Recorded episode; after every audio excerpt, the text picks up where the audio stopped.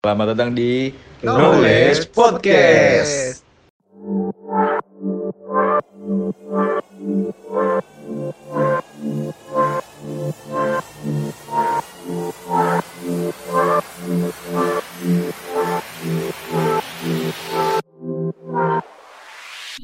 Halo guys, selamat datang di Knowledge Podcast. Gue Lutfi. Kenalin, gue Alif. Eh, nama gue Fikri. Topik kali ini kita bakal ngebahas seputar perkuliahan. Pasti kan setiap orang punya masing-masing background yang berbeda gitu kan. Kuliah tuh kira-kira kegiatan perkuliahan lu pas offline kemarin sebelum pandemi itu gimana ya sih? Biasanya gue ya, eh, paling kelas gitu, ngopi sama temen. Kan waktu itu gue masih asrama ya, tahun pertama ya. Hmm. Nah itu gue banyak pengalaman gak enak tuh waktu asrama. Hmm. Nah jadi tuh gue aslinya tuh kamar gue di, aduh gue lupa, gue lupa ini Ya, pokoknya. Nom- apa nomor kamar gue itu pokoknya anggapnya 200 ya 200 nah gue itu kurang serk aja gitu sama teman kamar gue jadi gue ngiter lah ke mana gitu nyari nyari temen yang frekuensi ya kan Aktif di luar ya jatuhnya. iya nah terus Kenapa lip nggak betah lip? Bau. itu itu itu itu itu Tahu. bener ya itu ada tuh teman kamar gue bau banget anjing inisialnya B gitu Bowo. Bowo. Kenapa bau? Anjing gue banyak. Biasanya Iya. bau bau, Cok. Serius deh, namanya bau bau. Stereotip apa itu? nah Tapi udah ke- lanjut ketika lu ngejalanin perkuliahan itu ada yang menarik gak sih? Maksudnya kayak eh, lu harus beradaptasi apa dengan apa gitu. nggak ada sih BTW soalnya kalau yang ini disclaimer ya, kita tuh satu kampus cuman eh, dari daerah yang berbeda-beda aja. eh, Eh, Iya. Kalau kalau lu kan kebetulan kita ngampus di Bandung nih. Kira-kira eh, apa sih kayak lu harus beradaptasi apa, apa yang aneh, culture shock gitu ada gak?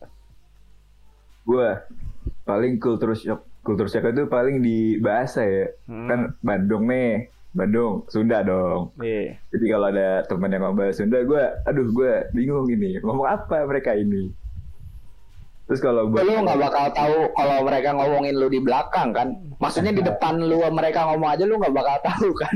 itulah terus kalau buat adaptasi kan tahun pertama asrama nih Hmm.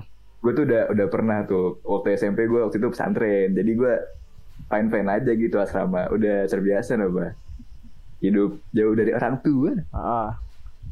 Ber- berhubung topiknya nih eh, kehidupan saat lu perkuliahan, kira-kira apa sih bedanya kuliah sama sekolah tuh?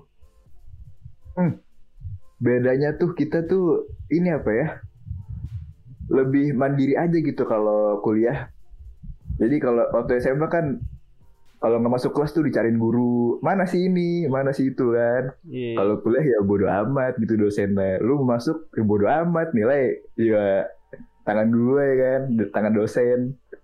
Serah gitu terserah mahasiswanya. Lu masuk dapat nilai masuk bodo amat nilai lu kosong gitu kan. Mm-mm.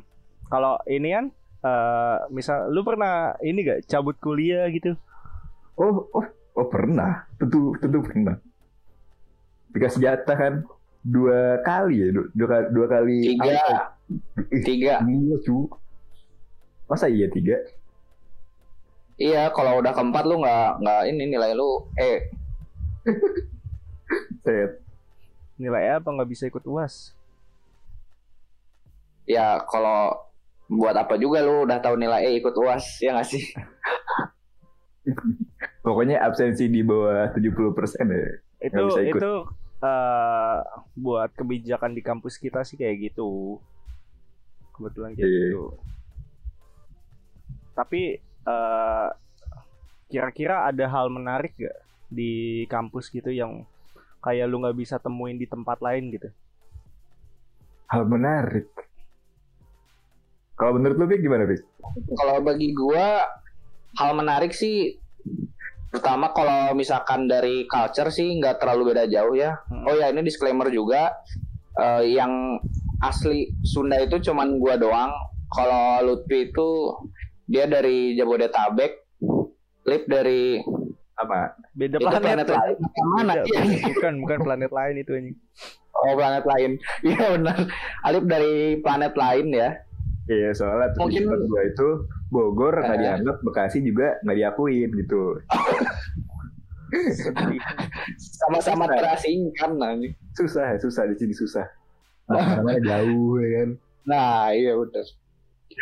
Eh, jadi bagi gua culture shocknya nggak terlalu beda jauh sih.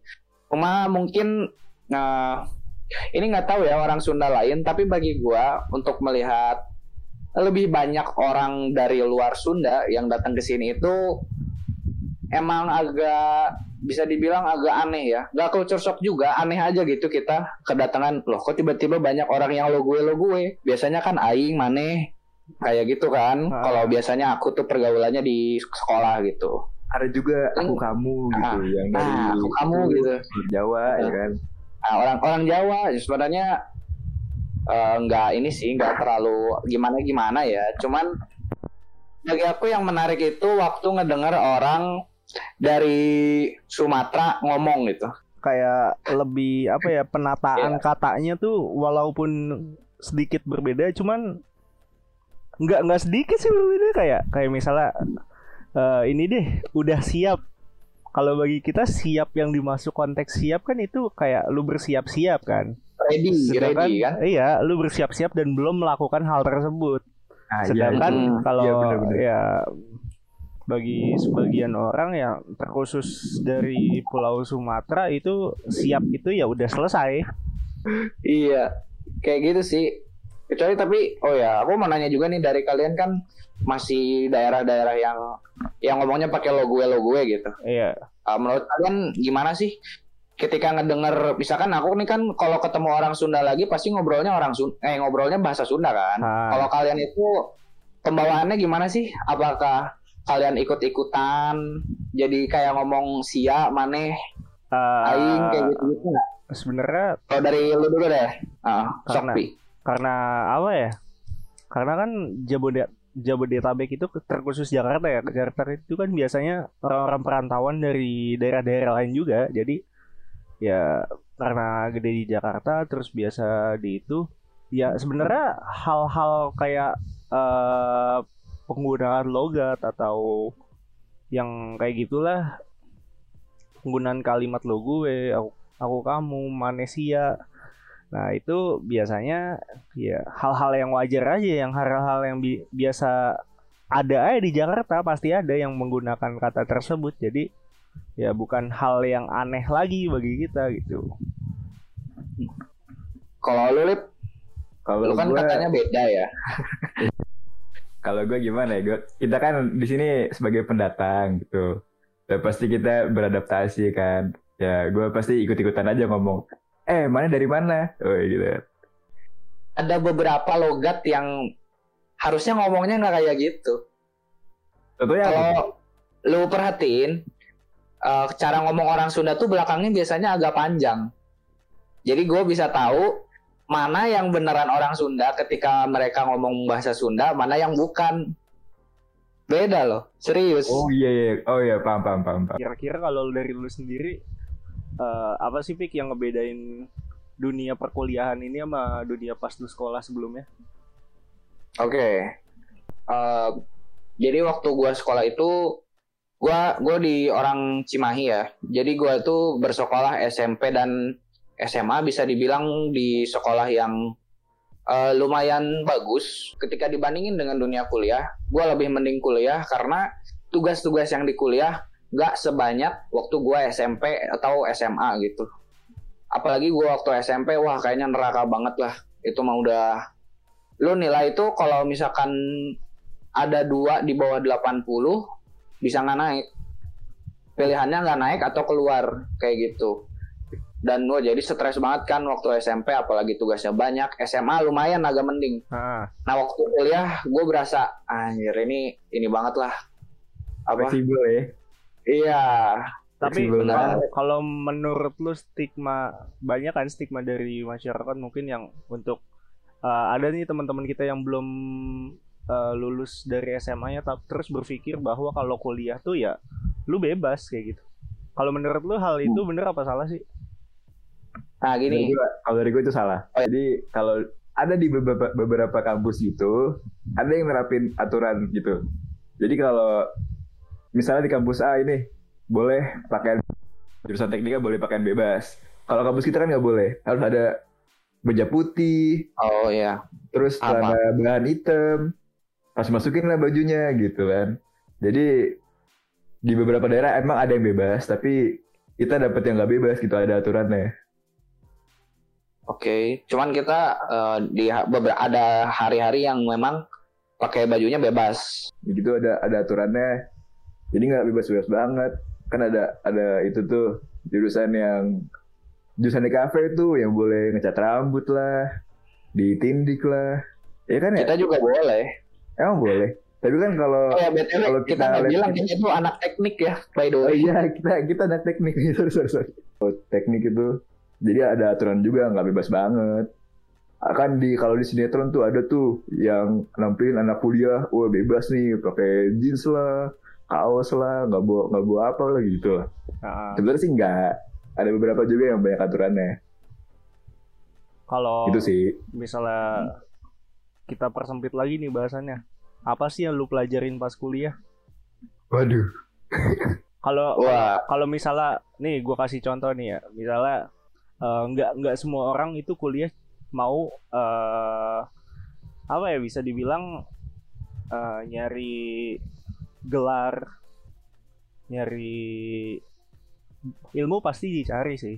Cuman Iya. kayak lebih diprioritasin itu relasi Iya. kalau kuliah.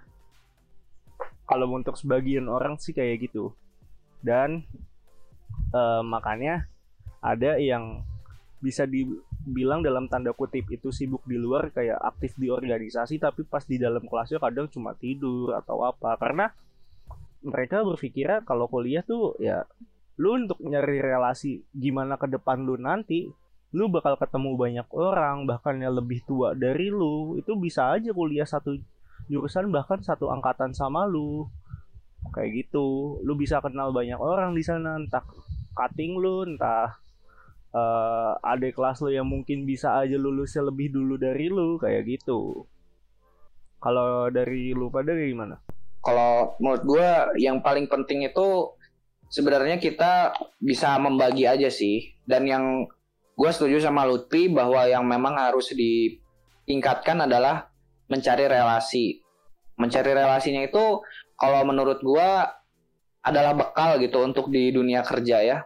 Karena kalau misalkan kita eh, kita bilangnya untuk mencari ilmu, misalkan contoh deh kita pemrograman programan tuh lu kalau misalkan lu ikut pelatihan sebulan aja udah cukup gitu. Lu udah punya skill untuk di dunia kerja.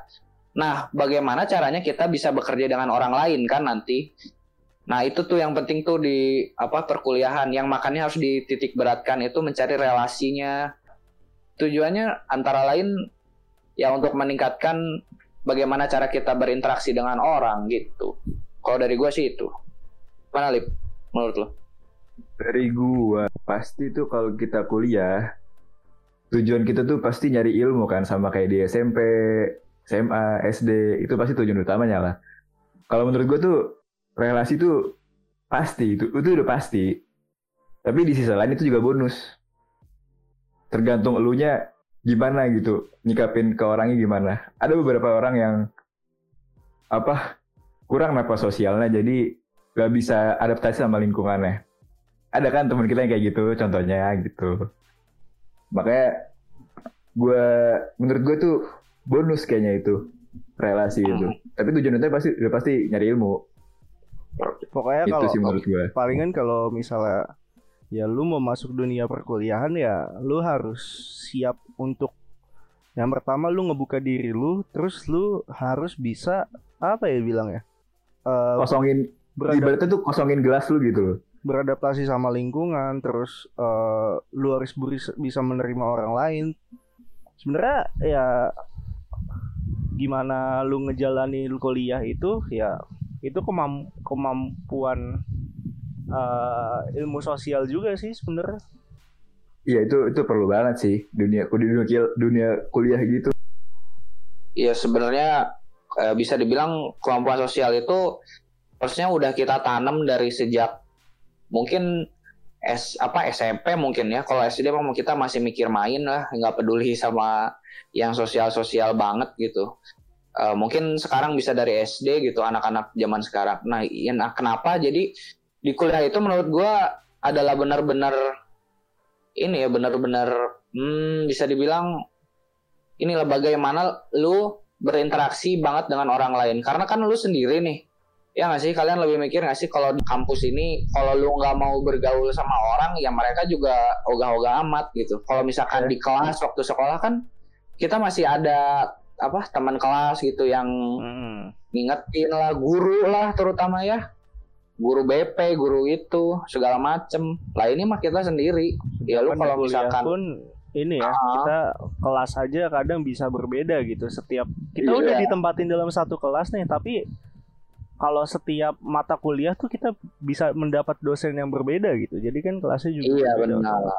Benar banget. Bisa aja juga walaupun udah di udah di dapat kelas gitu, udah dapat teman kelas, bisa aja teman kelas tuh juga bodoh amat kalau lu juga individualis gitu.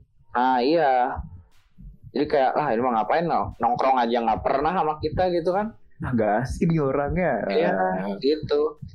Jadi lo mau nggak mau yang introvert ya harus belajar, harus belajar bagaimana berinteraksi sama orang gitu. Lu nggak bisa sendiri. Lu mungkin lulus ya hanya lulus aja, tapi lu nggak dapet apa-apa gitu. Ya, apalagi nanti, nanti di dunia kerja juga lu pasti kerja sama partner lu, sama mitra lu, ntar jalin hubungan sama perusahaan lain. Itu pasti butuh skill sosial, sosial, sosial sih. Benar, benar. Ya. Kalau menurut gue sih kalau dunia kuliah tuh kayak apa ya? Kalau lu misalnya tahu perilisan game itu ya kan ada yang tahap beta, tahap alpha, ada tahap final. Final kan artinya sudah dikeluarkan. Uh, Berarti ini pre-final ya. Jadi lu kayak uh, mencoba di dunia perkuliahan ini kira-kira apa sih yang buat yang kurang dari gue nih? Nah ya itu kalau lu udah tahu lu kurang lu di mana lu perbaiki sekarang. Pas lu kuliah nah nanti pas dunia kerja harusnya lu udah menjadi orang yang bisa lebih baik kayak gitu. Terus ini juga nih kalau mau nyari teman ya lu pilihlah yang baik yang menurut lu baik buat lu dan baik juga buat mereka. Jadi saling menguntungkan gitu. Jadi kalau lu kalau lu nggak mau jatuh hal-hal yang buruk gitu kan ya yang pergaulan bebas gitu tuh ini aja pilih apa pinter-pinter milih temen aja sebenarnya jangan ada yang kalau buat ya. teman sih lu bisa mencakup relasi seluas mungkin sih tapi itu balik ke diri lu sendiri lu bisa ngejaga diri lu sendiri apa enggak kalau kalau nah. lu bisa ngejaga diri lu sendiri kayak misalnya lu diajak ke mana atau melakukan hal apa yang berkonteks negatif lu bisa untuk memilih untuk mengatakan tidak untuk melakukan hal tersebut gitu. Iya.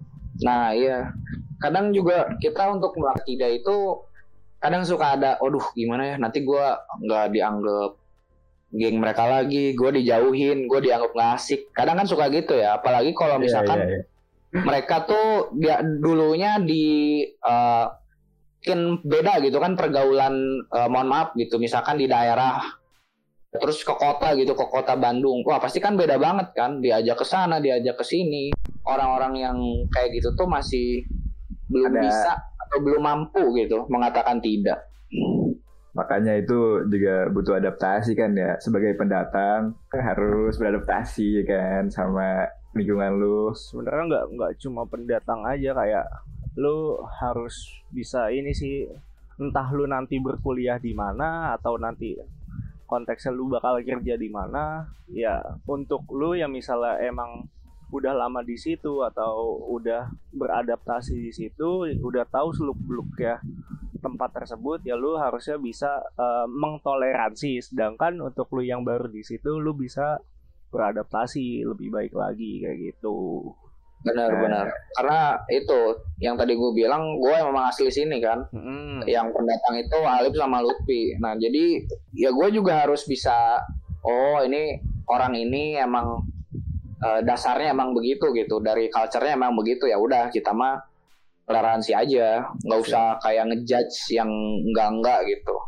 Itu sih yang paling penting. Jangan ngejudge sih Istilahnya tuh kalau kampus tuh ini gak sih? Misalnya kayak ya miniaturnya Indonesia aja miniaturnya ya kalau lu di kuliah di luar Benar, negeri entah itu mili- miniaturnya dunia ini aja gitu. Ya banyak orang di sini bahkan kayak ada kelas internasional ada orang dari negara Iya. lain ada orang dari daerah lain ya gimana cara lu untuk eh, bisa bukan apa ya bisa dibilang bisa diterima di masyarakat dan juga bisa menerima masyarakat kayak gitu. Woi. iya benar.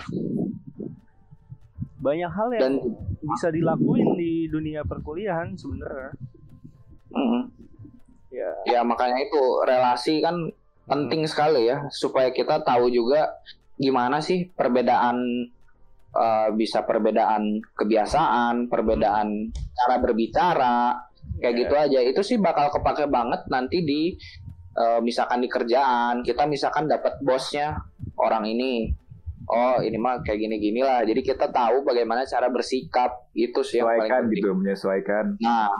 Ya kalau intinya kalau lu uh, mau masuk dunia perkuliahan atau sedang sedang menjalani dunia perkuliahan ya lu coba aja hal-hal baru di sini. Karena ya emang sekarang waktunya nggak ada waktu lagi. Setelah lu lulus dari perkuliahan ini ya itu dunia lu sebenarnya. Untuk merubah uh, hal yang kurang dari lu dalam tanda kutip itu uh, buruk ya itu kalau lu misalnya udah keluar dari zona ini dari dunia perkuliahan ini itu bakalan susah karena itu dunia lu yang sebenarnya. Sedang sedangkan perkuliahan ini adalah uh, istilahnya apa ya?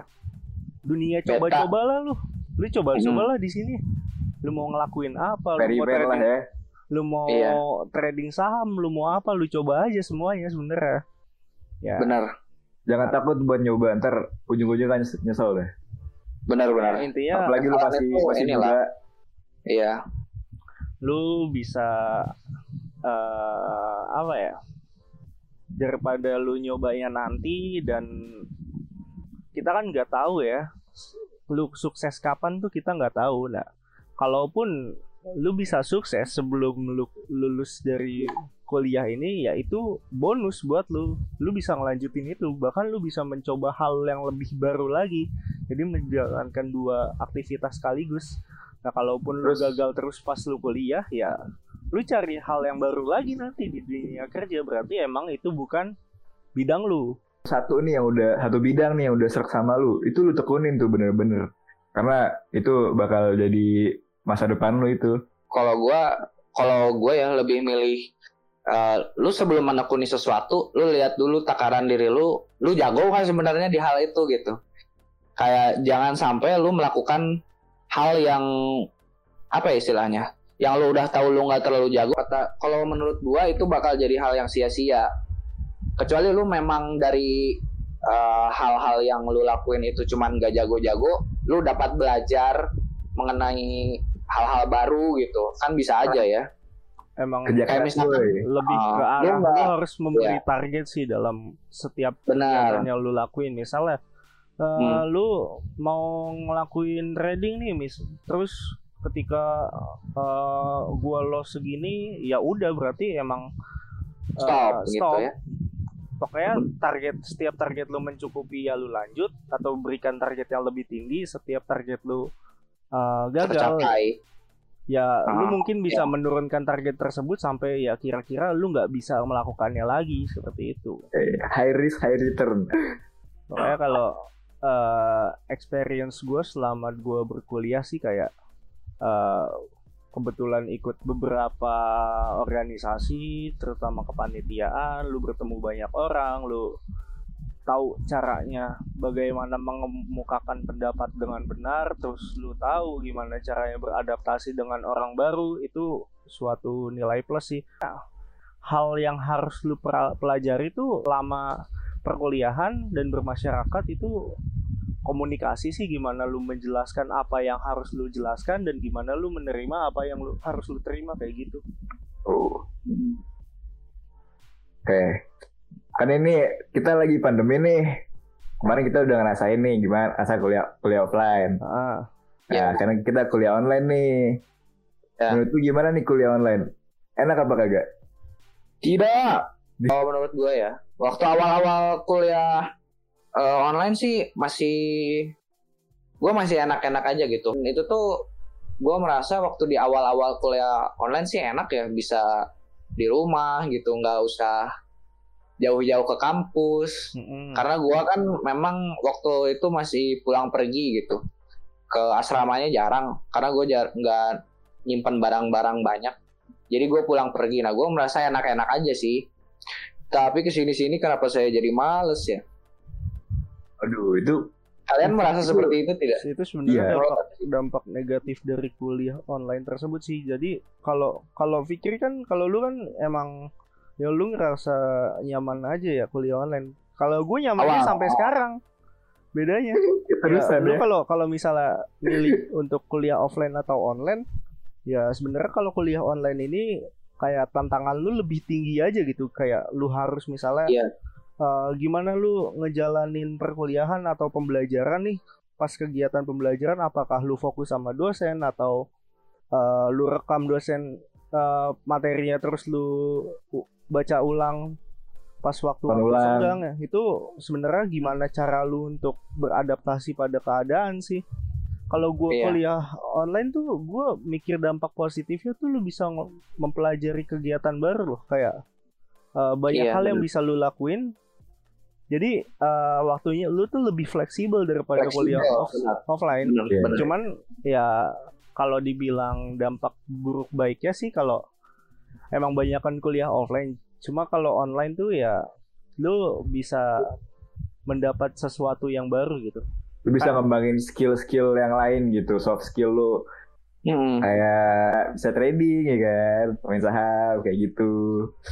Tapi kebanyakan yang gue lihat nih apa yang dirasain mahasiswa lain tuh buruknya itu yang yang gue lihat tuh pada ngerasain buruknya semua. Iya kan sebenarnya kalau yang kayak gitu kan karena mungkin uh, terutama buat mahasiswa baru deh yang baru masuk dan belum pernah merasakan kuliah offline itu seperti apa. Nah Sebenarnya itu kalau kalau uh, diambil dari manfaatnya ya itu tergantung individunya masing-masing sih kayak lu yang mungkin ada orang yang bisa belajar kalau lu ngelihat sedikit sedikit materi dari slide atau mana lu ambil intinya lu bisa ngerti ada orang yang emang harus dipahami banget ada orang yang bisa dicekokin ada orang yang uh, istilahnya lu ngelihat sedikit ya lu ngerti udah intinya apa nah ada orang yang kayak gitu makanya nggak semua bisa disamaratakan Iya benar. kemampuan orang memahami itu beda-beda.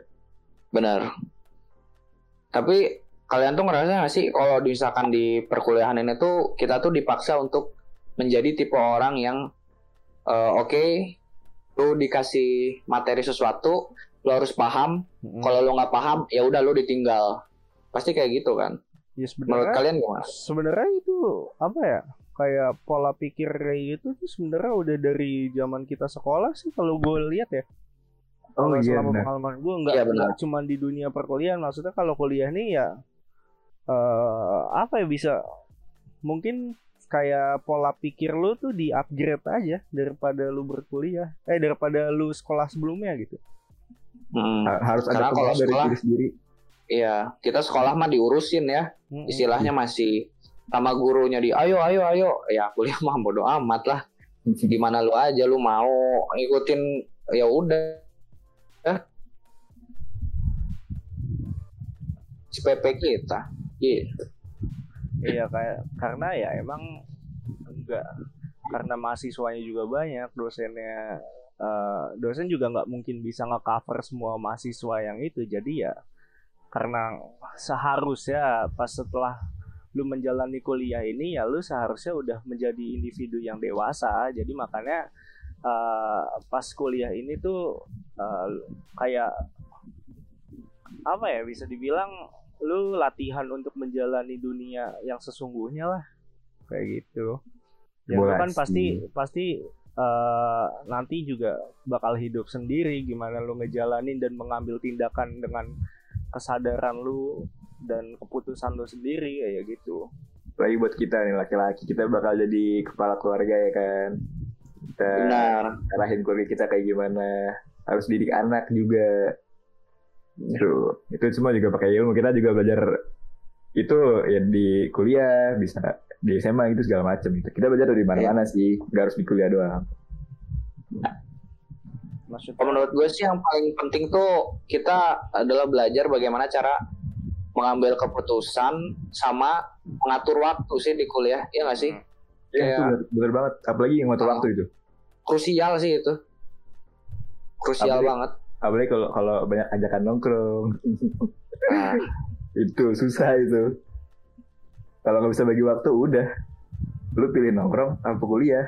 Kalau nah pilih itu nongkrong, ambil keputusannya kan. Nah, ya itu sebenarnya kayak eh, makanya banyak orang yang menyibukkan diri di dalam organisasi. Sebenarnya ya itu keputusan lu untuk ikut organisasi apa enggak. Cuman kalau lu mau belajar lebih dan dan sebenarnya ilmu itu tuh yang paling penting di masa-masa perkuliahan ini gitu. Dan hal-hal itu yang paling penting sebenarnya dari perbandingan kuliah online offline ini pun ya mungkin kalau untuk organisasi ya lu nggak bakal berasa dampaknya sebesar itu loh. Tapi ketika lu offline lu cara lu mengemukakan pendapat dalam organisasi cara lu eh, menerima pendapat orang lain dan banyak hal yang bisa lu pelajari terutama komunikasi sih di organisasi ini. Dan relasi tentunya setelah lu eh, selesai di dalam organisasi tersebut pasti lu kan banyak bertemu dengan orang-orang baru dengan pola pikir yang baru kalau dari gue sih ya ketika lu berada di dunia perkuliahan ya lu harus bisa menerima terutama eh, ke orang lain dan lu harus belajar banyak dan mencoba hal baru sih di dunia perkuliahan ini. Oke, kalau dari gue sih di dunia kuliah ini yang paling penting adalah lu harus bisa mengatur waktu lu dan harus bisa mengambil keputusan dengan benar. Itu sih kalau dari gua. dari gua pokoknya lu harus gimana ya dari ngomong ya pokoknya lu belajar gimana jadi caranya jadi jadi orang yang mandiri gitu jadi lu kalau di kuliah tuh apa apa serba sendiri gitu. Jadi lu nggak bisa ngandelin emak lu nggak bisa ngandelin bokap lu apalagi temen lu. Lu harus bisa mandiri gitu. Itu sih dari gue Itu ya sih yang sebenarnya eh, bisa kita bahas pada kali ini. Ya mungkin Uhuy. buat lu semua lu ambil aja sisi baiknya buat sisi buruknya. Ya lu buang jauh-jauh lah. Pokoknya pokoknya sekian. Iya. Eh, knowledge yeah, podcast pada kali ini gue Lutfi, Alif dan Pikri cabut.